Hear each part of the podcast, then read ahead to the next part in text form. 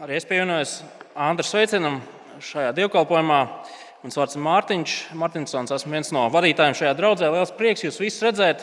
Tas raudošais, jā, tas bija mans. Šoreiz tas bija mans dēls. Nu, ko, šajā dienā mēs turpināsim iet cauri Lūkas evanģēlijam. Tādēļ bez liekas vilcināšanās atvērsim šīs dienas lasījumu raksturvietu. Tas ir Lūkas evanģēlijas 14. nodaļa, no 15. līdz 24. pantam. Draudzes Bībelē tā ir 1048. lapuse. Lūkas evanģēlijas 14. nodaļa, sākot ar 15. pantu.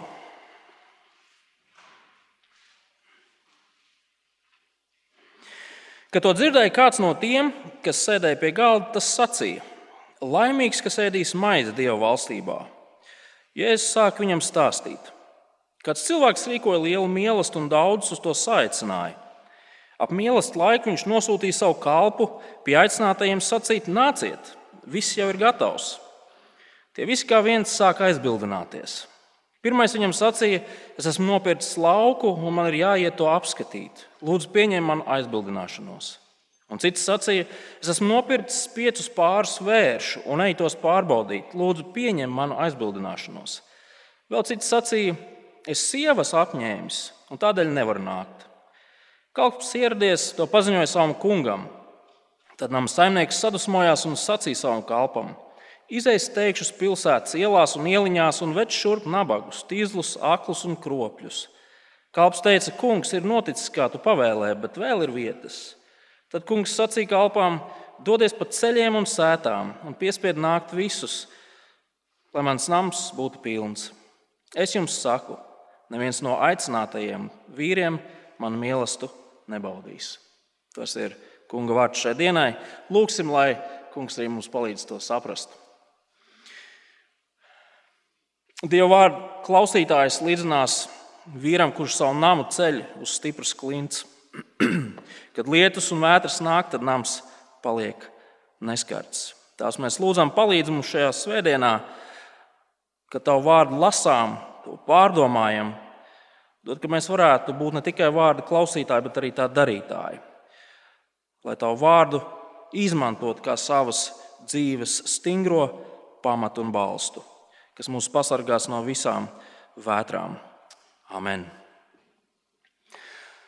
Jūs jau iespējams pamanījāt, ka, ja jūs esat bijuši kopā ar mums pēdējās pāris svētdienas, tad šīs dienas lasījums patiesībā ir turpinājums tam, kas norisinājās nedaudz iepriekš. Protams, mēs joprojām esam ievērojami farizēju namā, kur Jēzus kopā ar citiem sēž pie galda, un kāds ir ierasts, viņiem ir dažādas sarunas. Mēs varam pieņemt, ka šajā mīlestībā piedalās ne tikai ievērojams farizējs un jēzus, bet daudzi citi tā laika tādi ietekmīgie un nozīmīgie cilvēki. Tad šīs vakariņas tās nav vakariņas, kurās ir sanākuši kopi, kopā veci labi draugi. Lai gan farizēji un rakstu mācītāji centās visu laiku būt tur, kur ir Jēzus. Jēzus bija populārs, ļoti populārs. Taču farizējiem un rakstu mācītājiem Jēzus nemaz tik ļoti nepatika. Lasot Lūkas evanģēliju no sākuma, mēs jau pavisam ātri vien uzzinām, ko patiesībā rakstu mācītāji par Jēzu domā. Mēs redzam to, ka viņi Jēzu nicināja. Viņi nosodīja to, ko Jēzus darīja, Viņi pārmet to, ko viņš mācīja, vēl trakāk. Viņi Jēzus pat nosauca par vēlna sabiedroto kādā no epizodēm. Un no otras puses mēs redzam arī to, kā Jēzus ļoti bezbailīgi un tieši atmasko to, kas slēpjas rakstu mācītāju un farizēju sirdīs. Lai gan ārēji šie cilvēki ir reliģiozi, skaisti, viss ar viņiem ir kārtībā, patiesībā viņi ir lepni liekulīgi un uz savu personīgo labumu vērsti cilvēki. Un mīlestam turpinoties, mēs redzam, ka temats joprojām ir viens un tas pats - Dieva valstība. Skatieties vēlreiz 14. nodaļas 15. pantā. Kad to dzirdēja kāds no tiem, kas sēdēja pie galda, tas sacīja laimīgs, kas ēdīs maizi Dieva valstībā. Iespējams, šis vārdos, vārdā nenosauktais uh, cilvēks centās tā maigi, mainīt atmosfēru, kas valdīja ap šo galdu. Jo iepriekšējā nedēļā mēs redzējām, ka atmosfēra bija visnotaļ saspringta. Un šis cilvēks, viņš saka, nu, nedaudz pārfrāzējot, to, ko viņš saka, draugi. Nu, lai jau tās atšķirības paliek, galvenais, cik labi, ka mēs visi kopā sēdēsim Dieva valstībā un mēs, mēs baudīsim maizi Dieva valstībā. Vai tas nav labi? Tas nedaudz atgādina to uh, krievu multinīti par pelēm un kaķi Leopoldu. Draugi, dzīvosim saticīgi. Un, ziniet, vienā lietā šim vīram ir taisnība. Būt Dieva valstībā patiešām ir labi. Ļoti, ļoti labi. Tas ir vislabākais, kas ar cilvēku var notikt. Jau vecajā derībā, kas bija pieejamais Dieva vārds jūdiem, ir daudzas norādes uz to, kā būs debesu valstībā. Kāda dzīve būs debesu valstībā. Un es gribu, varbūt tas nedaudz pagarinās šo ievadu, nolasīt vienu raksturvietu, kas, manuprāt, ļoti spilgti raksturo to, kāda tad ir šī svētītā dzīve debesu valstībā. Tas tā, lai mēs varam to nedaudz izgaršot. Un runa ir par iesaistas grāmatas 65. nodaļu. Ja jūs vēlaties, jūs varat atvērt draudzes Bībelē, tā ir 746. lapuse, iesaistas 65. nodaļa no 17. līdz 25. pantam. Tur ir šādi vārdi. Jo es redzu, radu jaunas debesis un jaunu zemi. Iepriekšējās vairs nepieminēs, tās vairs nenāks neprātā bet priecājieties un līksmojieties mūžam par to, ko es radu. Jo es radu Jeruzalemi priekam un tās tautu līksmībai. Es priecāšos par Jeruzalemi un līksmošu par savu tautu. Vairs nedzirdēs tajā nec vaimans, nec raudas. Tur nebūs vairs zīdaiņi, kas dzīvo vien dažas dienas, nec sirmgalvja, kas savu dienu mēru neizdzīvo. Kas simts gados nomirs, tas būs vēl jauneklis. Kas nesasniedz simts gadus, būs ticis nolādēts. Tie namus cels un tajos dzīvos, vīna dārzus stādīs un augļus baudīs. Tie nebūvēs, lai dzīvotu citi, un nestādīs, lai baudītu citi. Jo kā koka mūžs būs manas tautas mūžs, man izredzētie paši mantos savu roku darbu. Viņu pūliņi nebūs velti, un bērni tiem nedzims postam, Tie būs kunga svētības sēkla un viņu pēcnācēji ar tiem. Un būs tā, pirms viņi sauks, es jau atbildēšu, vēl viņi runās, es jau uzklausīšu. Vilks un jērs ganīsies kopā, un lauvēdīs salms kā vērsis, bet čūskas barība būs pīšļi. Nec ļauna, nec posta nedarīs visā manā svētajā kalnā, teica kungs. Kad mums būtu nedaudz vairāk laika, lai pat tiešām pārdomāt šo brīnišķīgo ainu, kas ir uzbūrta mūsu acu priekšā par to, kā tad izskatīsies debesu valstībā. Pasauli, kurā nebūs vaimanas, kurās nebūs raudas, kurās nebūs bezjēdzības, kurās nebūs skumjas, kurās nebūs, kurā nebūs nāves, korupcijas, samaitātības, netaisnības. Nebūs vairs darbs, kur augļi pagaist. Tā vietā tur valda prieks saskaņa, miers, taisnība. Katrs spēj baudīt to, ko ir darījis, nebaidoties par to, ka kādu dienu viņam kāds varētu to atņemt.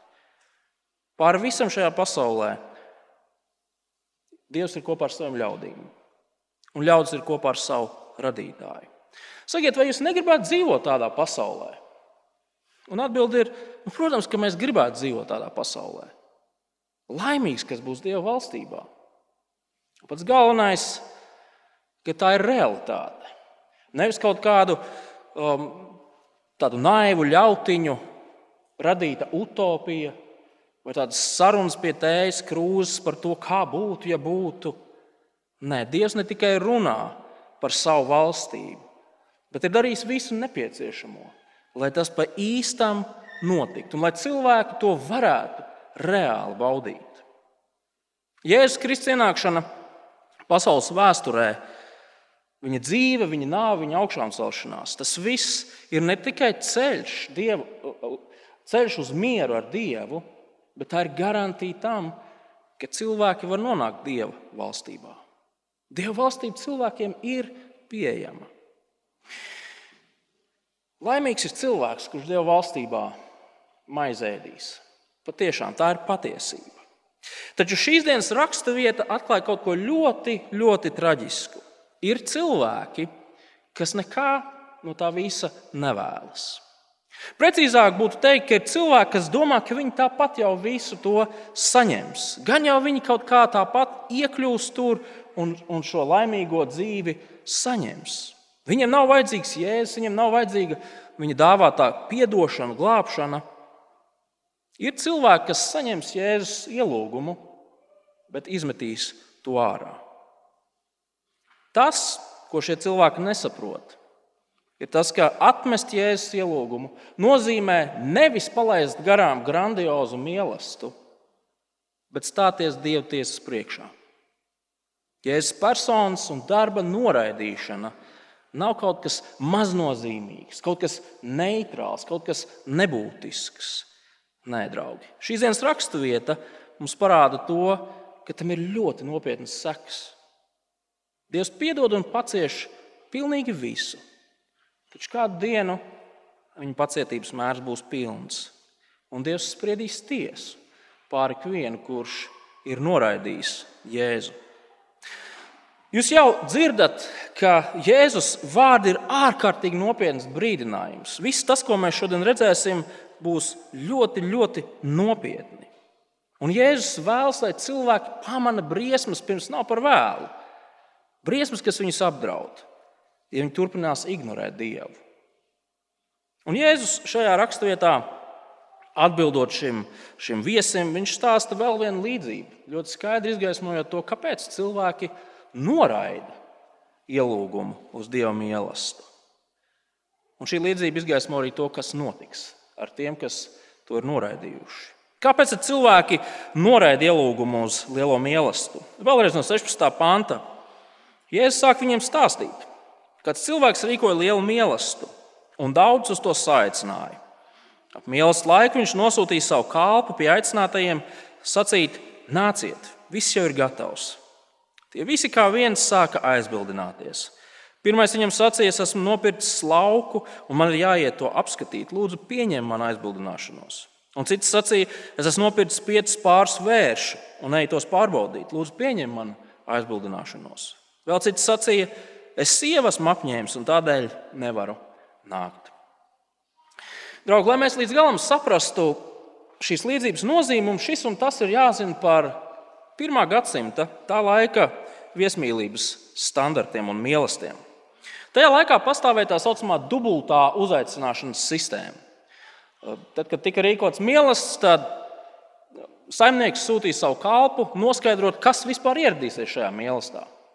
Tā teikt, lai viņš zinātu, cik, cik barotie teļi ir jākauj, kas ir jāsagatavo un tā tālāk tā joprojām. Tā ir pirmā uzaicināšana, kuras laikā tu iegūsti atbildi par to, kurš būs. Otrā aicināšana notika tajā dienā, kad tika rīkots mīlestības. Bieži vien, ja attālums nebija liels, šī aicināšana notika burtiski stundiņu pirms mīlestības. Nāc, tagad viss ir gatavs. Nāc, lai ēdiens neatdziest. Tā mamma reizēm saka saviem bērniem. Mēs tieši to arī redzam šīs dienas raksturvietā, pareizi. 16. un 17. pāns. Daudz ir saicināti, viņi ir devuši ziņu par to, ka viņi būs. Un tad sako otrā aicināšana, jo mīlestības ir sagatavots. Ja tu esi piekritis nākt, tad tavs pienākums ir nākt. Tas pienākums ir ierasties. Neierašanās ir milzīga necieņas izrādīšana mīlestības rīkotājiem. Un kas ir tas, ko mēs redzam šajā līdzībā? Cilvēks sāk aizbildināties. Viens ir nopircis tīrumu, cits ir nopircis piecus pārus vēršu, vēl kāds ir paspējis apprecēties. Un virspusēji visi šie attaisnojumi izklausās nopietni, pareizi. Tie ir nopietni attaisnojumi. Taču, ieskatoties tuvāk, mēs redzam, ka tie nemaz nav tik cēli. Visi šie attaisnojumi īstenībā ir ļoti, ļoti nožēlojami. Un tie rāda vislielāko necieņu pret mīlestību rīkotāju. Skatieties, 18. pantā. Aicinātais nevar ierasties, viņš ir iegādājies tīrumu, lauku. Un tagad viņam ir jādodas šo tīrumu apskatīties. Es pieņemu, ka ik viens no šeit klātesošiem, kas ir iegādājies kādu nekustamo īpašumu, to nav darījis, ja aizzina, šīs aklās izsoles. Par to mēs šeit nerunājam. Bet es pieņemu, ka neviens no jums nav iegādājies īpašumu un tikai pēc tam gājis to apskatīties. Turklāt mīlestība tajā laikā parasti nav tik vakarā. Kas ir vakarā? Vakarā paliek tumšs. Un mēs varam iztēloties, kā šis, šis cilvēks kalpam atbild, piedod, es nevarēšu iet, jo es esmu nopircis īpašumu, es viņu neesmu redzējis, es viņu gribu tagad aiziet apskatīties, bet tāpēc, ka es tumšs, es iešu ar svecīti skatīties. Smieklīgs attaisnojums. Tas nevar pagaidīt līdz rītam. 19. pantā mēs redzam, ka kāds cits ir nopircis piecus vēršu pārus. Vērši tajā laikā bija traktori, Belarusi, Džoni, Dieri un cita traktoru tehnika. Tas nebija lēts prieks. Tā bija milzīga investīcija. Pieci vēršu pāri tā bija milzīga investīcija. Bet šis cilvēks izskatās, ir veicis īpašumu iegādi attālināti. Viņš ir nopircis šos vēršus, nemaz tos neredzot. Un tagad viņš dodas atkal vakarā ar svecīti skatīties, kādi šie vērši izskatās. Vecās derības komentētājs Rauls Deivis par šo pāntu.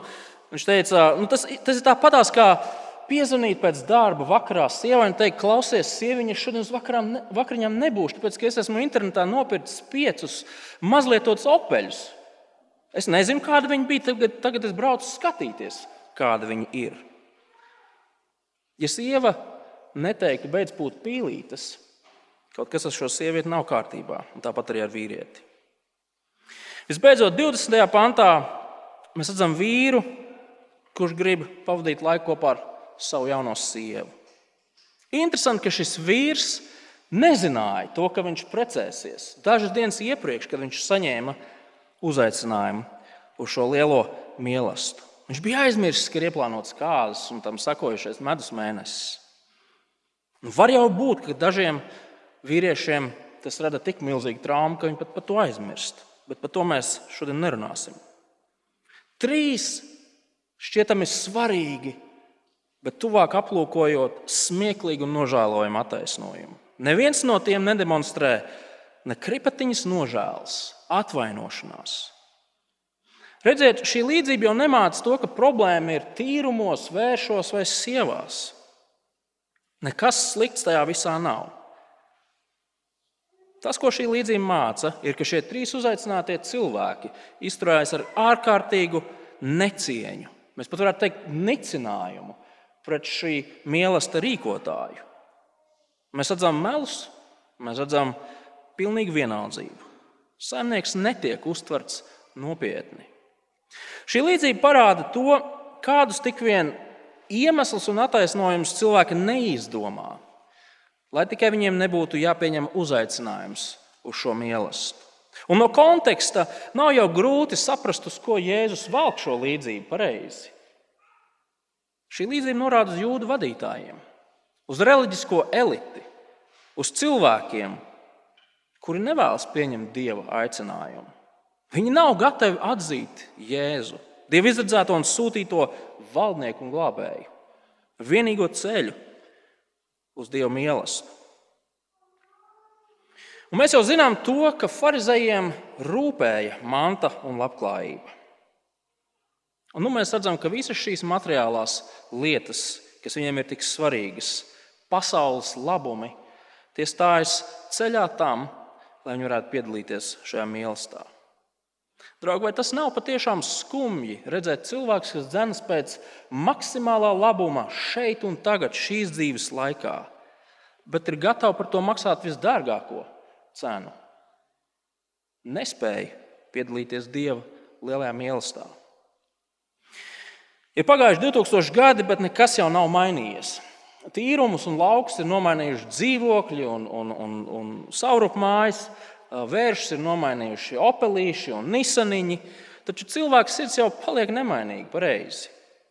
Cilvēks dzenas pēc laimes, pēc prieka, pēc piepildījuma, pēc drošības. Jā, mēs pat runājam par debesīm, par to, kā kādu dienu varētu būt. Taču tieši tāpat kā pirmā gadsimta reliģiskā elite, arī mūsdienu cilvēks nav gatavs pieņemt Jēzus uzaicinājumu. Vienmēr kaut kas stājas ceļā.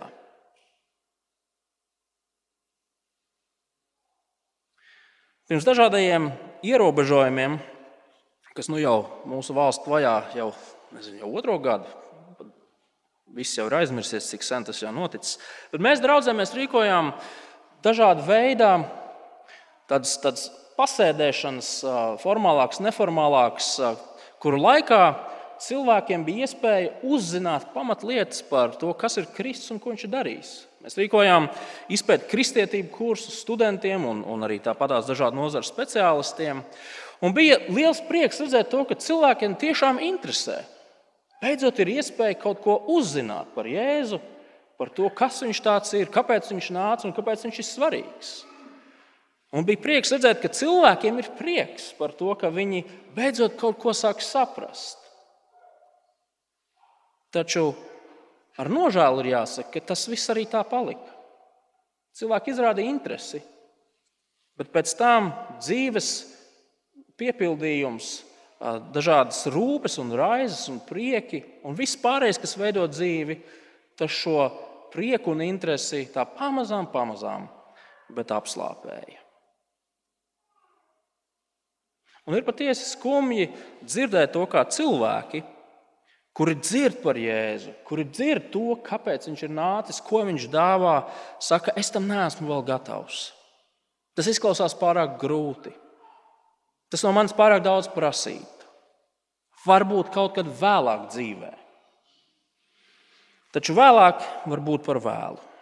Un tieši to mēs redzam arī šīs dienas raksturvietas otrajā daļā. Jēzus ļoti skaidri pasaka to, kas sagaida cilvēkus, kas ir noraidījuši šo ielūgumu. Skatieties no 21. panta. Kalps ieradies, to paziņoja savam kungam. Tad nama saimnieks sadusmojās un sacīja savam kalpam: Izejas teikšus pilsētas ielās un ieliņās un ved šurp nabagus, tīzlus, un aklus un kropļus. Kalps teica, kungs ir noticis, kā tu pavēlēji, bet vēl ir vietas. Tad kungs sacīja kalpam, dodies pa ceļiem un sētām un piespied nākt visus, lai mans nams būtu pilns. Kad nama saimnieks uzzina to, kā šie uzaicinātie cilvēki ir atsacījušies nākt, viņš kļūst, kļūst dusmīgs. Ja runa būtu tikai par tādu šīs pasaules mīlestību, mēs varētu saprast, ka viņš ir dusmīgs par to, ka, nu, kas tagad notiks, tas lērums ar ēdienu, viss būs jāmet ārā. Turklāt visi kaimiņi kas dzīvo ap mani, viņi tagad ķiķinās par to, kā mans milzīgais, grandiozais mīlestības ir izgāzies. Taču mēs jau noskaidrojam to, ka šī līdzība runā par Dievu, kurš vēlas glābt cilvēkus. Un ko darīt, ja cilvēki nevēlas tikt izglābti? Risinājums ir pavisam viegls un loģisks. Uz mīlestību tiek ielūgti citi cilvēki.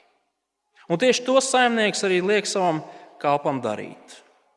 21. pānta beigas vēlreiz izejas teikšus pilsētas ielās un ieliņās, un več šurp nabagus, tīzlus, aklus un kroplus. Kalps teica, kungs ir noticis, kā tu pavēlēji, bet vēl ir vietas. Tad kungs sacīja: dodies pa, ceļam, pa ceļiem un sētām un piespied nākt visus, lai mans nams būtu pilns. Sākotnēji aicināto reliģisko cilvēku, reliģiskās elites vietā tiek aicināti cilvēki no malu malām, ielām, ieliņām, sētām, ceļiem. Sakiet, vai tas neatgādina to, ko Jēzus teica 13. nodaļā, 29. pantā? Un tie nāks no austrumiem un rietumiem, no ziemeļiem un dienvidiem un apsēdīsies pie galda Dieva valstībā. Dieva valstības mīlestībā piedalīsies ārkārtīgi liels cilvēku skaits no malu malām no visiem četriem debesu stūriem. Bet Jēzus vārdos ir dziļa ironija.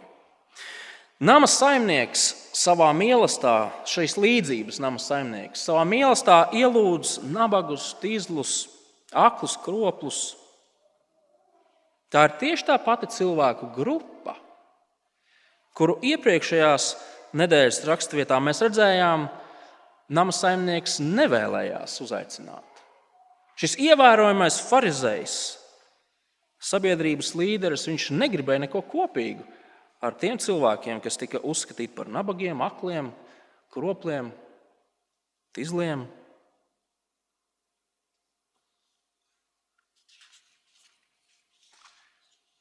Šī līdzība parāda to, ka Dieva valstības mīlestībā piedalīsies tie cilvēki, kas nav aicināti piedalīties šīs zemes ietekmīgo mīlestos. Cilvēki, kuri šīs zemes ietekmīgiem neliekas interesanti, no kuriem neko nevar iegūt, nekādu labumu nevar iegūt. Cilvēki, kuri ir izstumti, apspiesti dažādu iemeslu dēļ. Cilvēki, kuriem nekas cits neatliek, kā saukt uz Dievu pēc palīdzības. Un, draugi, nepārpratīsim, tas nenozīmē to, ka neviens no aicinātajiem, šajā līdzībā aicinātajiem, neieradās. Tāpat tas nenozīmē to, ka visi akli, tīzli, nabagi un kropli ieies un piedalīsies mīlestībā. Tas to nenozīmē. No vienas puses, skatoties uz šiem pantiem, mēs varam no sirds pateikties par Dieva žēlstību, piekritīsiet. Tā ir tik plaša, tik neaptverama, tik liela.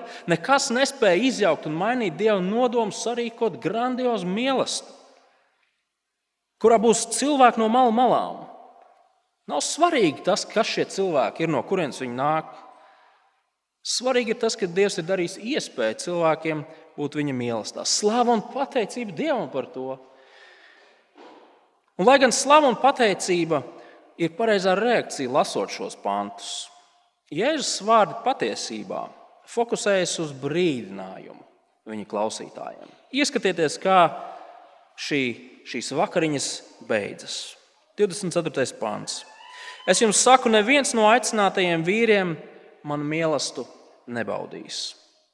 Jēzus šo mīlestību nosauc par savu mīlestību. Viņš ir tas, kurš cilvēkus aicina tam pievienoties. Sakiet, vai tas, ko šajā līdzībā dara saimnieka izsūtītais kalps, nav tieši tas pats, ko Jēzus dara šīs zemes dzīves laikā? Un tieši tāpat kā kalps mudina cilvēkus nākt uz zemnieka dzīvēm, arī Jēzus mudina cilvēkus nākt un piedalīties Dieva mīlestībā, nožēlot savus grēkus, izlīgt ar Dievu, būt kopā ar Dievu. Un tieši tāpatās kā šis kalps bija tas, kurš pēdiņās ieveda cilvēkus saimnieka organizētajā mīlestībā, tieši tāpat arī Jēzus ir tas, caur kuru cilvēki var ieiet debesu valstībā. Un tas šo brīdinājumu padara daudz nopietnāku. Noraidot Jēzu, cilvēki noraida pašu Dievu. Noraidot Jēzu, cilvēki noraida pašu Dievu. Pharizēji bija pārliecināti par to, ka viņiem būs daļa pie Dieva mīlestības. Mēs esam laimīgi, jo mēs Dieva valstībā maizēdīsim. Taču kalpa, jeb Jēzus noraidīšana, ir tas pats, kas mīlestības noraidīšana. Un tieši tas arī sanikno saimnieku šajā līdzībā. Dievs ir žēlstības pilns un pacietīgs, bet kādu dienu viņa pacietība beigsies? Kādu dienu durvis tiks aizslēgtas? Kādu dienu būs par vēlu ieiet Dieva valstībā? Kādu dienu piepildīsies tas, ko Jēzus saka 24. pantā? Es jums saku, neviens no aicinātajiem vīriem man mīlestību nebaudīs. Nav iespējams nonākt Dieva valstībā, ja tas nenotiek caur Jēzus Kristus personu un viņa darbu. Cita ceļa nav, kā vien atzīstot Jēzu kā Dieva sūtīto glābēju, ceļu uz Dieva valstību. Un es nevaru beigt atkārtot un uzsvērt to, cik nopietns ir Jēzus brīdinājums. Patiešām laimīgs būs tas cilvēks, kurš būs Dieva valstībā, Bet tikpat patiesi ir tas, ka nelaimīgs būs tas cilvēks, kurš nebūs Dieva valstībā. Es atvainojos par nelielo levitismu šajā brīdī. Nelaimīgs būs tas cilvēks, kurš nebūs Dieva valstībā. Nepiedalīties Dieva valstības mīlestībā ir pati šaušalīgākā lieta, kas ar cilvēku var notikt. Tā ir vislielākā nelaime, kas ar cilvēku var notikt. Un Jēzus vēlas, lai cilvēks sadzirdētu viņa brīdinājumu nopietno dabu. Reizēm cilvēkiem gan liekas, ka nu, nekas jau traks. Nu, labi, nu netikšu tajā dievam maltītē, nu gan jau ir kaut kāds otrs variants. Kā, nu, mazāk svarīgiem cilvēkiem kaut kāds baļķis varbūt tiks rīkots. Nu, labi, es netiku uz filmas pirmizrādi, nu aiziešu vēlāk, kaut kad, kad viņu rādīs mazajā zālē, un nebūs 7D, bet būs parastais. Nu, nekas. Nē, nē, nē, draugi, tas nav iespējams. Tajā dienā, kad Dieva valstības durvis tiks aizslēgtas, tos, kas paliks ārā, nesagaida nekas labs. Nekas, absolūti nekas labs. Vienīgais, kas šos cilvēkus sagaida, ir Dieva taisnīgās tiesas dusmas par to, ka šajā dzīvē viņi ir pretojušies, sacēlušies pret Dievu, ignorējuši Dievu, neklausījuši viņam, nedzīvojuši tā, kā viņam ir prasīts, bet skrējuši pēc sava labuma, pēc savas dzīves baudām un laimes. Vai jūs dzirdat šī brīdinājuma nopietnību? Ir tikai divas iespējas. Būt iekšā Dieva valstības mīlestībā, vai palikt ārā, vietā, kurā nav absolūti nekā laba, kur ir zobu griešana un drebēšana. Un, draugi, es negribu, lai jūs to uztverat kā tādu stereotipisko biedēšanu ar, ar ēlas ugunīm. Draugi, nē, tas ir ārkārtīgi, ārkārtīgi, ārkārtīgi nopietns brīdinājums par to, ka noraidot Jēzu un viņa dāvāto glābšanu, cilvēks sagaida vislielākā nelaime. Nevienas sēras, nevienas grūtības, nevienas ciešanas nevar salīdzināt ar to, kas sagaida cilvēku, kurš ir noraidījis Jēzus uzaicinājumu kas paliek ārpus Dieva valstības. Neviens pārbaudījums, neviens sāpes, neviens zaudējums nav salīdzināms ar to, ko cilvēks piedzīvos, nesot Dieva valstībā. Un tieši tāpēc Jēzus ir nācis. Viņš ir nācis, lai cilvēks izglābtu no šīs milzīgās nelaimes. Jēzus šo brīdinājumu izsaka saviem ienaidniekiem. Vēl ir laiks atgriezties, vēl ir laiks atzīt Dieva sūtīto glābēju. Jēzus brīdinājums ir jāņem vērā, tad, kad runa ir par glābšanu un par dalību Dieva mīlestībā. Un mēs nedrīkstam ļaut, lai kaut kas, kas šajā dzīvē nāk mūsu ceļā, stātos ceļā šim aicinājumam. Nekādi tīrumi, traktori, mašīnas, sievas, vīri, izklaides, dzīves pārbaudījumi, grūtības, karjera, nauda, ceļojumi. Nekas no tā nevar stāties ceļā uzaicinājumam piedalīties Dieva valstībā. Un patiesi laimīgs ir cilvēks, kas Dieva valstībā baudīs maizi, sēžot pie viņa mīlestības galda. Šis mīlestības pārspēja pilnīgi visu, ko mēs varam iztēloties. Un tieši tāpēc ir tik svarīgi, ka mēs cīnāmies, lai ieietu pa šauriem vārtiem. Un kā jau mēs redzējām, 13. nodaļas izskaņā, cīnīties, par, lai iet pa šauriem vārtiem, nozīmē turēties pie Jēzus. Turēties pie viņa personas, turēties pie tā, ko viņš ir darījis un ko viņš aicina mūs darīt. Šis ir nopietns brīdinājums. Būtu muļķīgi to ignorēt, tāpēc ka uz spēles ir likts pilnīgi viss. Taču mums, kristiešiem, šis nopietnais brīdinājums liek darīt divas lietas. Pirmkārt, mēs esam aicināti rādīt citiem uz šo mīlestību. Mēs taču nevienam nenovālam tās lietas, kas sagaida cilvēkus, kas atradīsies ārpus šī mīlestības. Tieši tāpēc, draugi, mēs sludinām evaņģēliju. Tieši tāpēc mēs lūdzam par cilvēkiem. Mēs lūdzam par saviem līdzcilvēkiem, draugiem, radiem, kaimiņiem, darba kolēģiem. Un mēs to darām ar pārliecību, ka Dievs vēlas glābt cilvēkus. Vēl ir laiks, durvis ir atvērtas. Kamēr durvis ir atvērtas no visām četrām zemes pusēm, debesu pusēm, cilvēki var tikt izglābti. Un otrkārt, mēs kā kristieši esam aicināti katru dienu pieceļoties, pateikties Dievam par to, ko Viņš mums ir dāvājis, par to, kādu glābšanu, kādu nākotni Viņš mums ir devis. Un līdzās pateicībai mums katru dienu ir jālūdz, lai Dievs palīdz turpināt stāvēt uz šī šaurā ceļa, nepazaudēt to, ko esam ieguvuši, neiemigt, neaizskriet pakaļ šīs pasaules vilinājumiem un valdzinājumiem. Draugi, kristieša dzīve ir ciešana un grūtība pilna. Šī dzīve nav viegla. Un tādēļ ir milzīgs izaicinājums turpināt turēties pie tā, ko Jēzus ir solījis. Tie, kas turēsies cieši, cieši pie Jēzus, tie patiešām var teikt, laimīgs ir tas cilvēks, kurš maizi baudīs Dieva valstībā. Lūksim. Dabas tās mēs atzīstam, ka nepilnīgi ir mūsu sapratne, un tikpat nepilnīgi ir mūsu vārdi, domas un darbi. Mēs atzīstam, ka mēs klupam un krītam, taču mēs esam tik ļoti pateicīgi, ka atrašanās tavā mīlestībā, tavā valstībā nav atkarīga no mūsu darba. Kristus visu ir izdarījis, lai cilvēki var būt, varētu būt kopā ar viņu. Tās palīdz mums turēties pie šī paveiktā un īstenotā darba.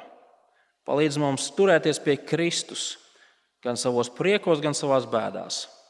Un lūdzam, lai daudz, jo daudzi mūsu līdzcilvēki varētu būt kopā ar mums šajā grandiozajā mīlestībā, kas pārspēj pilnīgi visu. To mēs lūdzam Kristus vārdā. Amen.